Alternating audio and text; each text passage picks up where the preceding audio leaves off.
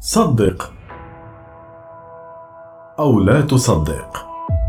طبيب عربي يقتل صديقته أثناء طرد الأرواح الشريرة بالمخدرات. افادت تقارير أن طبيب تخدير في إنجلترا كان يجري ممارسات من أجل طرد غريب للأرواح الشريرة لصديقته التي تعيش في المنزل. قام الطبيب بتقييد صديقته وحقنها بقائمة من العقاقير الخطرة التي كادت أن تقتلها. ذكرت هيئة الإذاعة البريطانية بي بي سي أن حسام متولي البالغ من العمر 60 عاما يواجه عقوبة السجن بعد أن أدخل كيلي ويلسون البالغة من العمر 33 عاما في غيبوبة ودفعها إلى ما يقرب من فشل عضوي كامل في عام 2019 عندما حاول إخراج الأرواح من جسدها.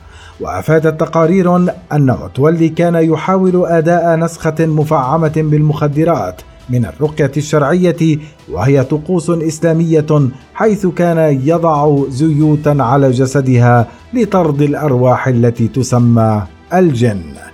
قال القاضي جيرمي ريتشاردسون في المحكمة وفقا لصحيفة Grimsby Telegraph لم أشارك ابدا في قضية أكثر غرابة من هذه. وأفاد تقارير أن متولي أقر بذنبه في تهمة الاحتيال وأدين في ثمان تهم أخرى بما في ذلك تناول مادة ضارة. في يوم إلقاء القبض عليه عثرت الشرطة على مخدرات مثل Special K وفانتانيل في المنزل في مجمع جريمس باي بشمال إنجلترا حيث جرت الطقوس. أفاد تقارير أن متولي اعتقل بعد نقل كيلي إلى المستشفى في الرابع من يوليو عام 2019 وهي على وشك الموت.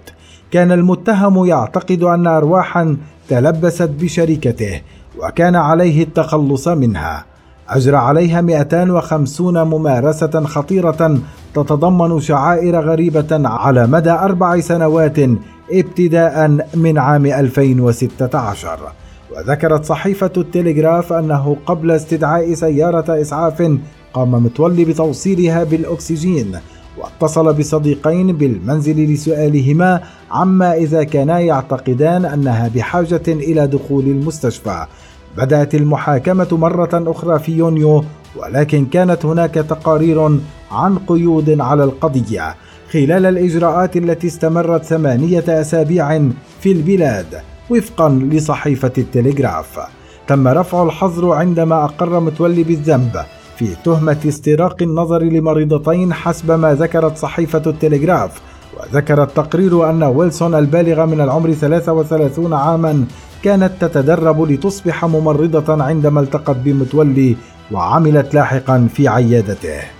وقال ممثل الادعاء جون ألفيج إن متولي الذي أصبح طبيبا في وطنه مصر غذى إدمان صديقته وقال للناس إنه كان داعما لكيلي ويلسون ومع ذلك كان على استعداد لإشعال شهيتها للأدوية التي تجاوزت بكثير ما كان مستعدا لتقديمه.